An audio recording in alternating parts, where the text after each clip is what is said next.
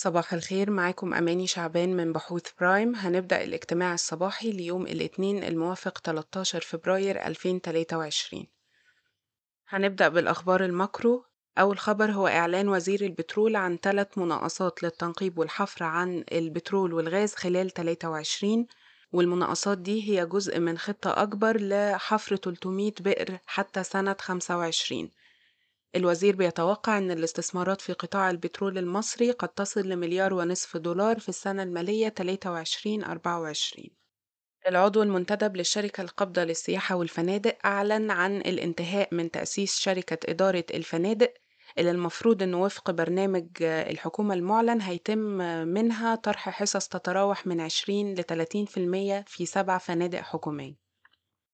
الفنادق دي بالاسم هي ماريوت الزمالك مينا هاوس الهرم كاتاركت أسوان موفن باك أسوان شتايجنبرجر التحرير وينتر بالاس الأقصر وسيسل الإسكندرية.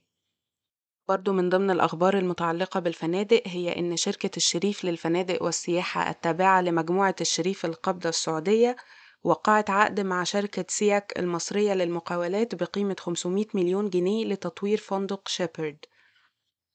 كمان من ضمن الأخبار هو خبر بخصوص ديار القطرية إنها بدأت مرحلة جديدة من مشروع سيتي جيت باستثمارات تصل لمليار وسبعمية وخمسين مليون جنيه مصري. البورصة والرقابة المالية والبنك المركزي بدأوا جولة ترويجية لبرنامج الطروحات الحكومية في السعودية والإمارات النهاردة. وآخر خبر ماكرو هو إن الهيئة العامة للموانئ البرية والجافة بتستعد لطرح 238 فدان بجوار ميناء أرقين على الحدود السودانية لإقامة منطقة لوجستية الشهر المقبل.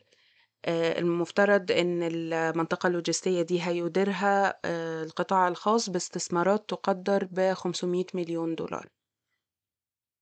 أما بالنسبة لأخبار الشركات فعندنا أكتر من شركة أعلنت عن نتائج أعمالها لسنة 2022 أولهم البنك التجاري الدولي اللي أعلن عن نتائج قياسية للسنة وصل صافي الأرباح ل 16 مليار جنيه بارتفاع 20% عن السنة اللي فاتت. ده كان على خلفية ارتفاع 24% في صافي الدخل من العائد اللي وصل ل 30.8 مليار جنيه. البنك قدر إنه ينمي محفظة القروض ب 35% من بداية السنة لتصل ل 196 مليار جنيه تقريبا. أما بالنسبة للودائع فارتفعت 31% لتصل ل 530 مليار جنيه. هامش صافي الدخل من العائد بالنسبة للبنك ارتفع ل 6% مقارنة ب 5.7 السنة اللي فاتت. العائد على متوسط حقوق الملكية وصل ل 25% مقارنة ب 21.9 البنك دلوقتي بيتداول على مضاعف ربحية 10.5 مرة ومضاعف قيمة دفترية 2.5 مرة.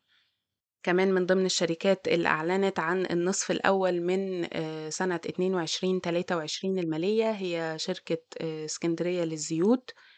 أعلنت عن صافي ربح يصل ل 983 مليون جنيه بارتفاع 146% عن السنة الماضية.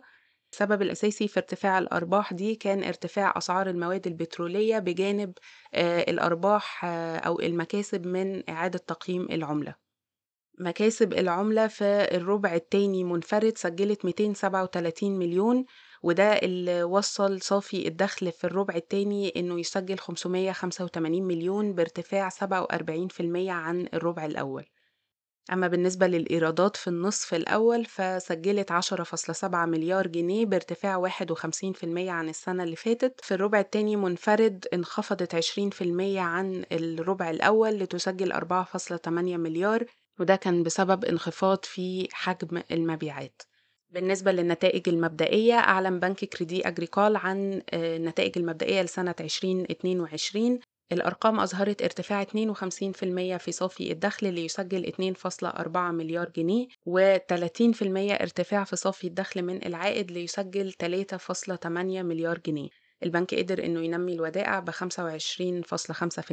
لتصل ل 60 مليار والنمو في القروض كان أقل شوية 13% من بداية السنة لتسجل 35 مليار جنيه. البنك حاليا بيتداول على مضاعف ربحية 5.3 مرة ومضاعف قيمة دفترية 1.3 مرة. أما بالنسبة للنتائج المبدئية لبنك أبو ظبي فكان في نمو 54% في صافي الربح وصل ل 2.1 مليار جنيه. على خلفية ارتفاع 38% في صافي الدخل من العائد اللي وصل ل 4.7 مليار جنيه. البنك نمى محفظة القروض ب 25% لتصل ل 56.8 مليار والودائع ب 29% لتصل ل 98 مليار جنيه. البنك حاليا بيتداول على مضاعف ربحية 5.1 مرة ومضاعف قيمة دفترية 1.2 مرة. دي كانت أهم أخبارنا النهاردة. شكرا وصباح الخير.